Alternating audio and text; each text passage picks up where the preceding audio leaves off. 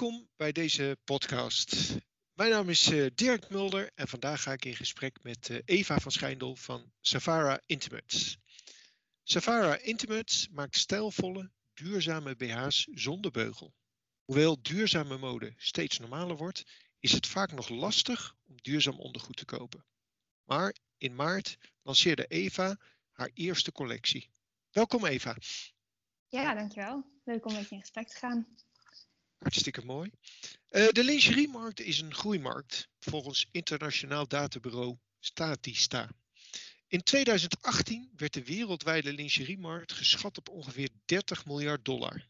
En naar verwachting zal dit in 2025 een waarde van bijna 50 miljard dollar bereiken. De lingeriemarkt is vaak onderverdeeld in twee productcategorieën, BH's en slips. Er is een toenemende aandacht om het verschil in lichaamstype naar voren te laten komen en de branche richt haar reclames dan ook steeds meer op de positiviteit uh, van het lichaam om dat te benadrukken. Dit wordt toegeschreven aan de verandering in culturele normen. Zo zeiden bijvoorbeeld 24% van de Amerikaanse consumenten dat ze de opname van plus-size modellen in lingerie-advertenties leuk vonden.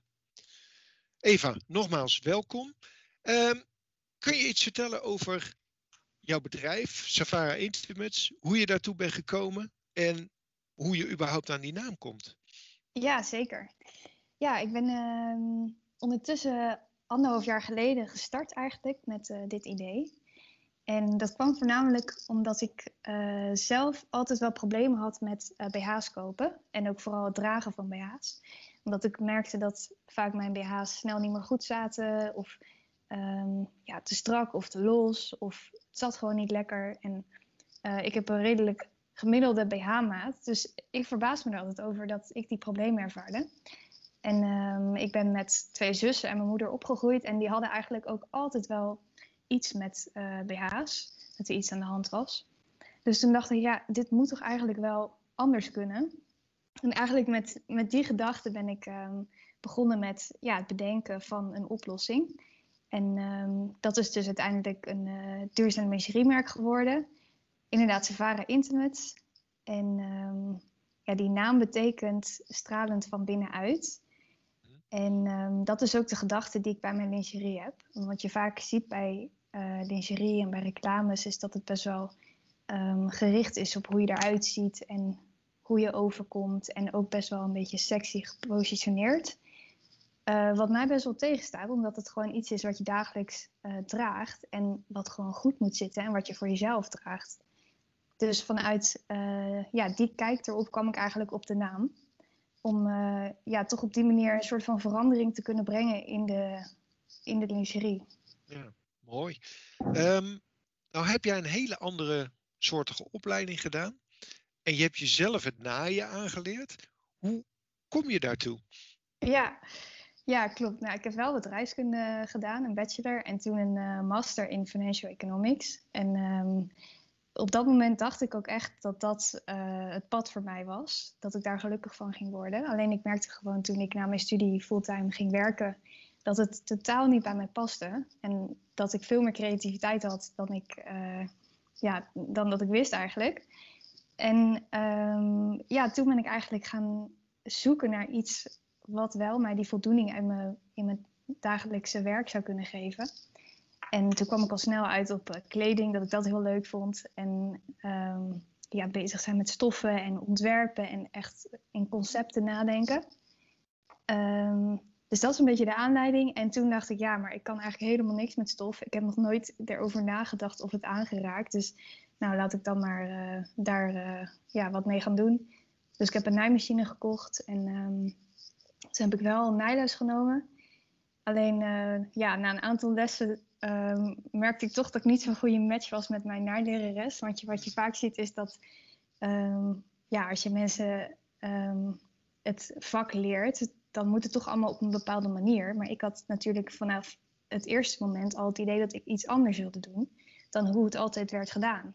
Dus nou ja, die nijles die heb ik geskipt op het moment dat ik het idee had van ik snap hoe de machine werkt. Toen heb ik er uh, dus uh, zelf eentje gekocht en met eigenlijk YouTube en um, ja, boeken en dat soort dingen het mezelf eigen gemaakt. En gewoon logisch nadenken van ja, ik wil dat het er zo uit komt te zien. Dus wat moet ik dan aan elkaar maken en hoe ga ik dat doen?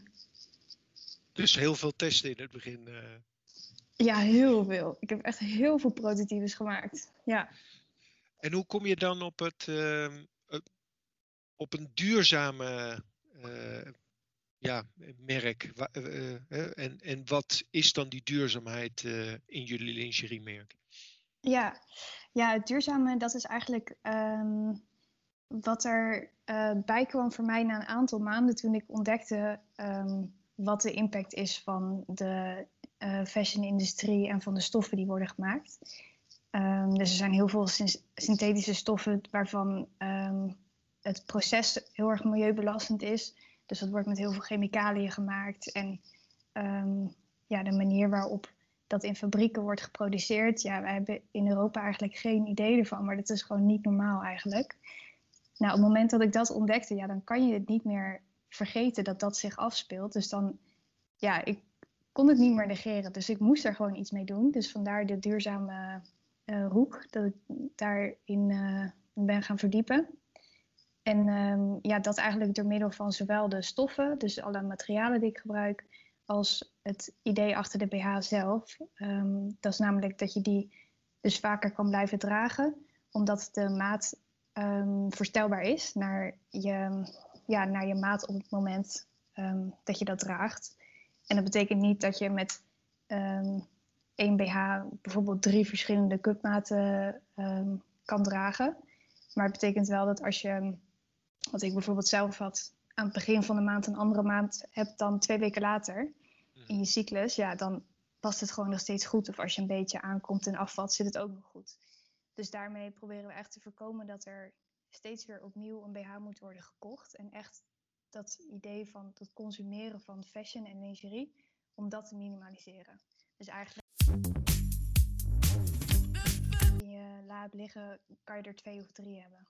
Ja, duidelijk. En als je, kan je iets meer vertellen over, over die duurzame stof waar je het, waar je het over had?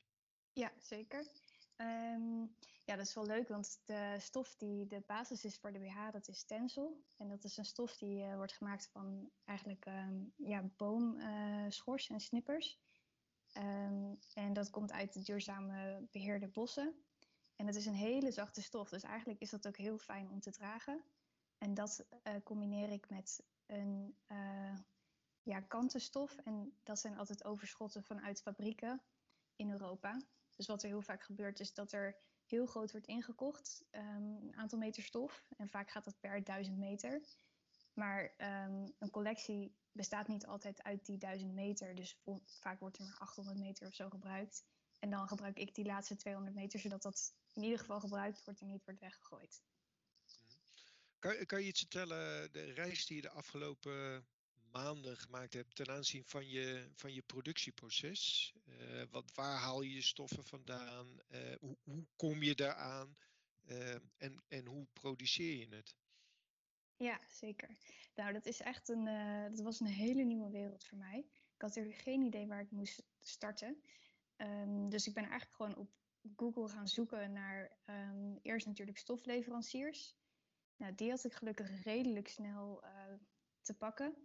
En uh, vervolgens ben ik op zoek gegaan naar producenten. En wat er eigenlijk vaak gebeurt, is dat um, heel veel producenten samenkomen op een beurs, bijvoorbeeld in Parijs uh, of in andere grote steden. En dat je dan daar je afspraken kan maken met die leveranciers en je inkoop kan doen. Maar voor mij was het best wel lastig, want ja, ik was net begonnen. Ik had überhaupt geen kennis van hoe dat proces werkte. En ja, ik had ook gewoon niet het geld om daar naartoe te gaan. Maar toen kwam uh, corona, waardoor al die beurzen waren afgezegd.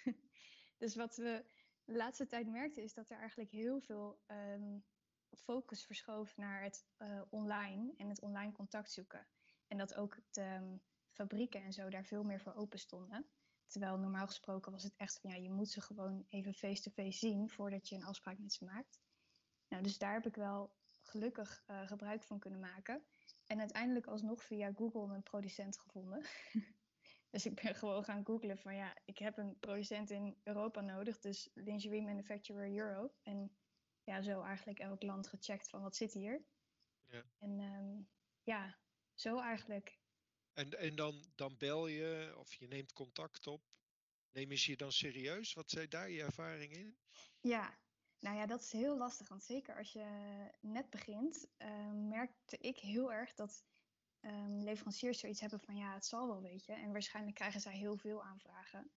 En dan snap ik dat zij eerder in zee gaan met een merk wat al langer bestaat en waarvan ze weten van oké, die kunnen mijn rekeningen betalen en dat soort dingen.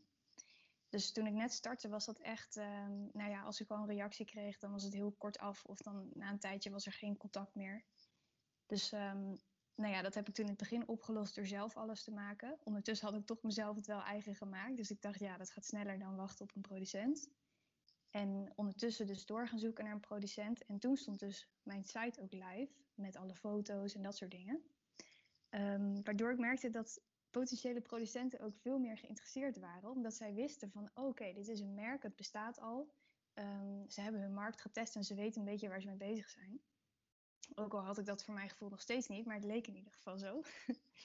en toen merkte ik van oké, nu um, is wel het moment om serieus een samenwerking aan te gaan. En toen uh, had ik dus uiteindelijk in Letland een um, ja, hele fijne producent gevonden die uh, nog relatief klein is. Want dat was natuurlijk ook een ding van ja, ik kan niet gelijk heel veel um, lingerie in één keer afnemen.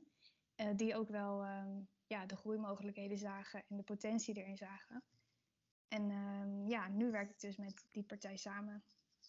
En is dat dan een ander productieproces omdat je duurzame stoffen gebruikt? Of kunnen zij gewoon de stoffen die jij levert, kunnen zij verwerken tot de producten die jij uh, wil maken, laten maken? Ja, dat is nog wel een uh, ding. ze hebben gewoon hun standaardproductieprocessen met de stoffen die zij gewend zijn. En ze hebben dus nu voor mij een uitzondering dat ik zelf de stoffen aanlever. Omdat ik natuurlijk gewoon daar inzicht in wil hebben welke stoffen het zijn. En omdat zij überhaupt geen ervaring hadden met duurzame stoffen zoals tencel.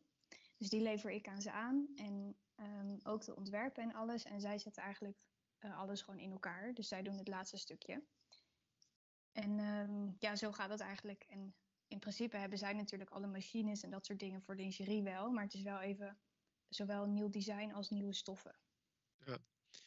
Uh, nou heb je het over, uh, hebben we het over het productieproces gehad. Hoe, hoe heb je je verkoop uh, precies georganiseerd? Je had het al over een website. Ja, ja, dat is ook wat anders dan wat je toch wel normaal ziet bij lingerie. Mm-hmm. Omdat het toch wel altijd wel fijn is om een BH te kunnen passen voordat je het koopt. Um, maar eigenlijk heb ik dat een beetje links laten liggen. Want ik dacht, ja, het wordt gewoon heel moeilijk om in een winkel direct terecht te komen. En um, het is gewoon een super tijdrovend en duur proces. Uh, dus toen heb ik er eigenlijk direct voor gekozen om alleen maar online te verkopen via mijn website inderdaad. En dat is nog steeds de, eigenlijk de enige manier waarop ik verkoop. En ik werk nu wel samen met een aantal uh, platformen, bijvoorbeeld voor duurzame mode, die doorlinken naar mijn website. Maar het is echt puur uh, online, ja. En hoe vinden consumenten jou dan via die website? Uh, ja, voornamelijk via Instagram. Ehm, dat is toch wel een beetje van deze tijd. Ik ben dus eigenlijk vanaf het begin een Instagram-pagina um, ja, gaan updaten over wat ik aan het doen was. En alles wat ik meemaakte. En als er weer een nieuw ontwerp was of een nieuw stapje, dan deelde ik dat. Dus vanaf het begin heb ik wel echt nou ja, potentiële geïnteresseerden erbij betrokken. En um, op het moment dat ik lanceerde in maart, toen had ik denk ik iets van 600 volgers of zo. Want op dat moment was ik echt wel super blij. Maar toen wist ik ook van ja, als mensen je volgen, betekent echt nog absoluut niet dat ze iets kopen. Maar uiteindelijk bleek dat wel een hele geïnteresseerde groep te zijn. Dus um, toen is het eigenlijk gaan rollen en dat is gewoon door blijven groeien afgelopen jaar. En dat is nog steeds echt de belangrijkste uh, bron van, uh, van mijn klanten. Ja. Is, zijn dat dan ook voornamelijk jonge consumenten? Of zie je dat jouw consumentengroep breder is uh, inmiddels? Ja, ze zijn relatief jong, maar um, het, is niet, het zijn niet de tieners, laat maar zeggen. Het, het is een beetje tussen, ehm, kan je ook wel zien op Instagram, tussen de 20 en de 35 ongeveer. Uh, daar zitten de meeste mensen in, ja. ja. En als je dan, heb jij meerdere collecties over een jaar? Hoe, heb je dat, uh, hoe ga je dat opbouwen? Hoe uh, zie je dat? Ja, het, zijn dus, uh, doordat ik met reststoffen werk, is dus na een tijdje een, um, een setje gewoon uitverkocht. Dus vandaar dat ik eigenlijk continu nieuwe items heb die in de collectie komen. Met daarnaast een soort van basic um, setje wat altijd uh, te krijgen is. Um, en dat is ook eigenlijk in de fashion-industrie een beetje gek, omdat je meestal werkt met seizoenen. Bijvoorbeeld met spring, summer en dan nog een herfst-winter uh, collectie. Maar dat doe ik eigenlijk helemaal niet, omdat dat hoeft natuurlijk eigenlijk niet met lingerie. En dat houdt mij ook heel flexibel, omdat ik dan kan kijken van oké, deze pasvorm loopt goed. Of hier heb ik deze feedback op gekregen, dan kan ik dat nog aanpassen. In plaats van dat je in één keer alles laat maken. Dus um, ja, het is een redelijk uh, kleine collectie die steeds vernieuwd wordt eigenlijk. En steeds weer uh, nieuwe items bijkomen. En na een tijdje ja, zijn mijn limited edition setjes ook gewoon op. Dus dan komen ze ook echt niet meer terug. Dus dan uh, verdwijnen ze langzaam. Nou ja, dat is natuurlijk ook weer een stukje duurzaam. Hè? Dat je geen restvoorraad hebt uh, die je uiteindelijk ja, weg moet doen. Uh, dan hou je de waarde van je product hou je natuurlijk ook in stand. Ja, als, ik begrijp, ja. als ik begrijp ben je dus eigenlijk constant bezig met aan de ene kant de afwikkelen van, van je orders en je verkoop. Aan de andere kant het ontwerpen met nieuwe, nieuwe producten komen. Ja, ja, exact. Dat zijn echt mijn twee focuspunten, ja. Is, ja. is het nog een eenmansbedrijf? Ja, dat is het uh, nu nog wel inderdaad. Uh, dat was ook gewoon het makkelijkste voor het oprichten. En uh, nou, ik verwacht in ieder geval dat het komend jaar zo blijft.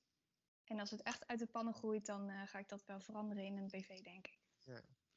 Als je nou even over het afgelopen jaar bekijkt, waar, waar ben je allemaal tegenaan gelopen? Ja, wel tegen redelijk veel dingen. ja, het, het, allergrootste probleem eigenlijk was de juiste producent vinden. Dus waar we het net over hadden. Um, en dat, is, um, dat heb ik gewoon zo onderschat, omdat het heel veel tijd kost. En je bent heel afhankelijk eigenlijk van een andere partij. Want zonder een producent, ja, wat ga je dan doen? Ja, je kan niet alles zelf blijven maken. Nee. Dus dat was um, wel echt een hobbel. Maar uh, die is nu redelijk uh, uit de weg. Um, en verder, ja, dat was eigenlijk constant het grootste probleem dat ik gewoon de vraag niet kon bijhouden. Dat ik constant achter de naaimachine zat, waardoor mijn focus een beetje verloren was. Omdat ik natuurlijk eigenlijk op het bedrijfskundige stuk en het groeistuk wil focussen. Maar dat kon niet op dat moment. Dus dat was lastig. En um, ja, ik denk eigenlijk vooral dat. Voor de rest had het eigenlijk heel erg mee. Omdat natuurlijk de lockdown er was, dus iedereen ging online. Um, veel mensen vonden mijn producten mooi en goed, dus vertelden anderen erover. En influencers en um, de media was gewoon heel blij met mij eigenlijk. Dus uh, ja. ja. ja. Nou, mooi toch? Um, ervaar jij nou de afgelopen tijd dat je, de, uh, je bent jong, je bent vrouw. Is dat, heb je dat als een nadeel ervaren? Mm, het is wel grappig, want toen ik begon, toen um, had ik wel een beetje het gevoel van ja, ik heb nog geen ervaring, ik ben inderdaad jong. Maar uh, gaandeweg kwam ik er wel achter dat juist mijn um, verhaal daarin en mijn eigen weg daarin juist mijn kracht is. En dat het juist iets is wat mensen interesseert en ze triggert. Dus um, ik denk dat dat wel een belangrijke les is, dat, dat het juist als een kracht kan worden ingezet. En um, in het begin was ik ook nog wel een beetje dat ik deed alsof ik um, heel veel ervaring had of zo. Weet je wel, als ik een mailtje stuurde naar iemand van ja, dit heb ik vorig jaar ook al gedaan of dat soort dingen. Maar ik merkte eigenlijk vanaf het moment dat ik daar eerlijk in werd en gewoon vertelde van ja, uh, ik ben net begonnen, maar uh, ik wil graag een goede samenwerking opbouwen. Ja, dat, dat het eigenlijk veel beter werkte en dat ze dan ook wat beter kunnen identificeren met mij. Dus ik denk, en zeker in, ja, in het stukje waar ik in zit, um, dat ik direct naar consumenten verkoop, dat dat eigenlijk echt geen probleem is. Nee. Merk je dat, dat het jou makkelijk afgaat om toch in deze zeer competitieve markt, hè, met een aantal grote partijen, een aantal grote merken, eh, om daar je positie in op te bouwen? Uh, nee, vind ik eigenlijk niet. Nou ja, ik ben nu natuurlijk relatief klein en uh, um, ja, die grote ketens die kijken echt nog niet naar me om. Maar ik denk wel, ja, het is zo'n enorm grote markt en ja, iedereen draagt gewoon dagelijks ondergoed. Dus dat is natuurlijk het voordeel van deze markt. En zeker het stukje gecombineerd met duurzaamheid. Ja, ik zie gewoon echt weinig aandacht vanuit de grote ketens daarnaar. Wat gewoon heel erg zonde is. En ehm, ja, ik denk dat dat uh, gewoon een gat is waar ik nu inspring. En uh, dat wordt gewoon direct opgemerkt door mensen. Ja. Hoe moet ik jouw prijsniveau ongeveer zien ten opzichte van de rest van de markt? Um, nou er zijn natuurlijk um, de echte, laten zeggen, fast fashion uh, ketens, die gewoon echt uh, betaalbare, goedkope lingerie maken. Um, nou, daar zit ik boven. En je hebt wat meer exclusievere merken, zoals bijvoorbeeld Marlies Dekker en dat soort merken. En daar zit ik wel bewust onder. Dus, um, en dat is ook wel een bewust prijspunt geweest, waardoor mensen um, niet heel snel iets kopen bij mij, omdat ik wil dat het een weloverwogen keuze is. Maar ook niet zoiets hebben van, oh, dit is een uh, once in a lifetime investering. Want ik wil wel dat het toegankelijk blijft. Ja, duidelijk. Um, als je nou kijkt, hè, je, hebt, uh, je bent nu een paar maanden bezig. Wat, wat, wat zijn je dromen met Savara?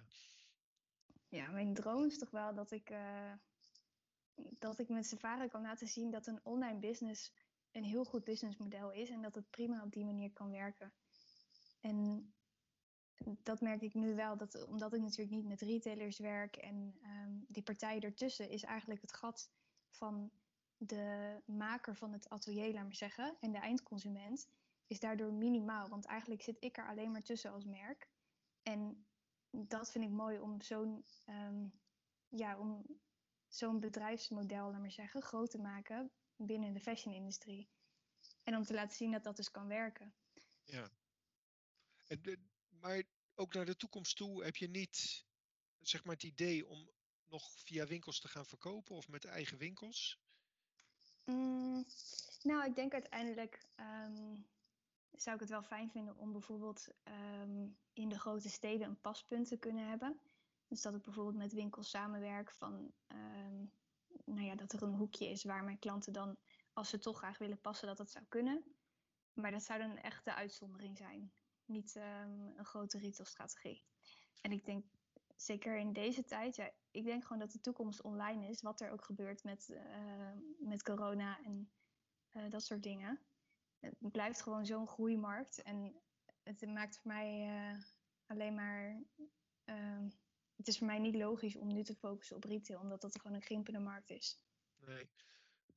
daarover gesproken, lingerie is natuurlijk heel persoonlijk. Ehm, moet ook de goede maat hebben.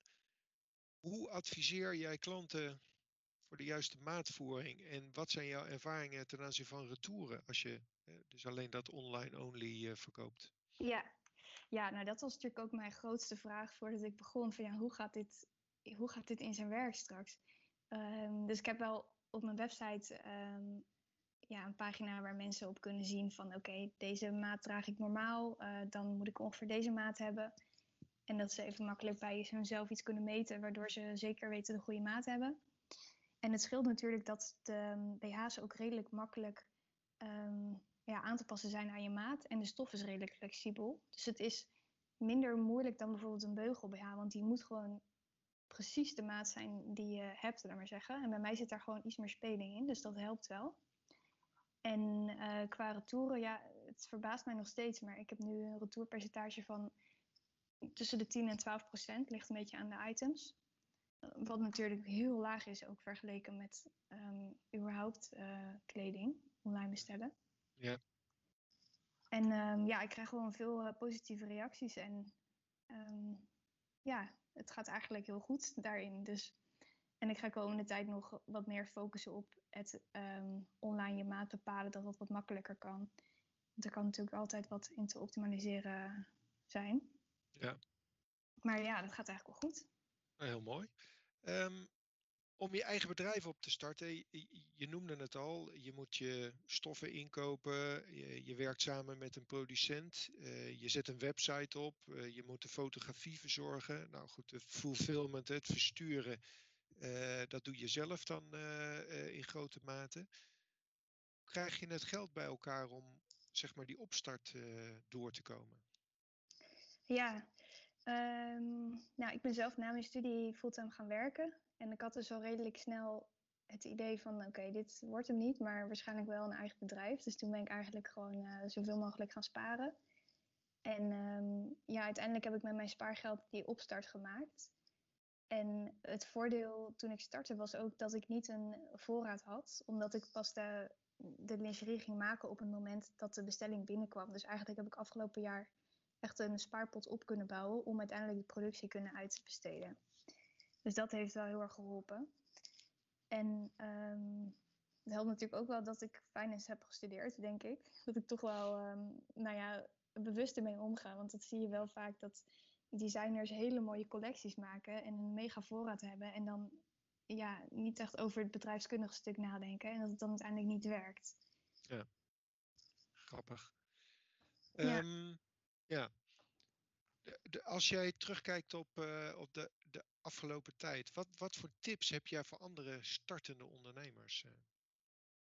Mm, ja, ik denk mijn grootste tip is toch wel dat het um, heel positief is om iets anders te doen dan hoe dingen al worden gedaan. En dat maakt het tegelijkertijd ook heel lastig, omdat je daardoor gewoon tegen gesloten deuren gaat lopen en mensen je maar gek vinden omdat je dingen anders doet.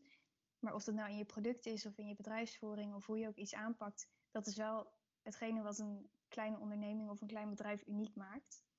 En ik denk ook dat, dat het het waard is om daar vol op te focussen, want daar ligt het unieke van een bedrijf. En dat heb ik mij ook wel gerealiseerd van ja, ik kan um, een grote lingerieketen gaan kopiëren.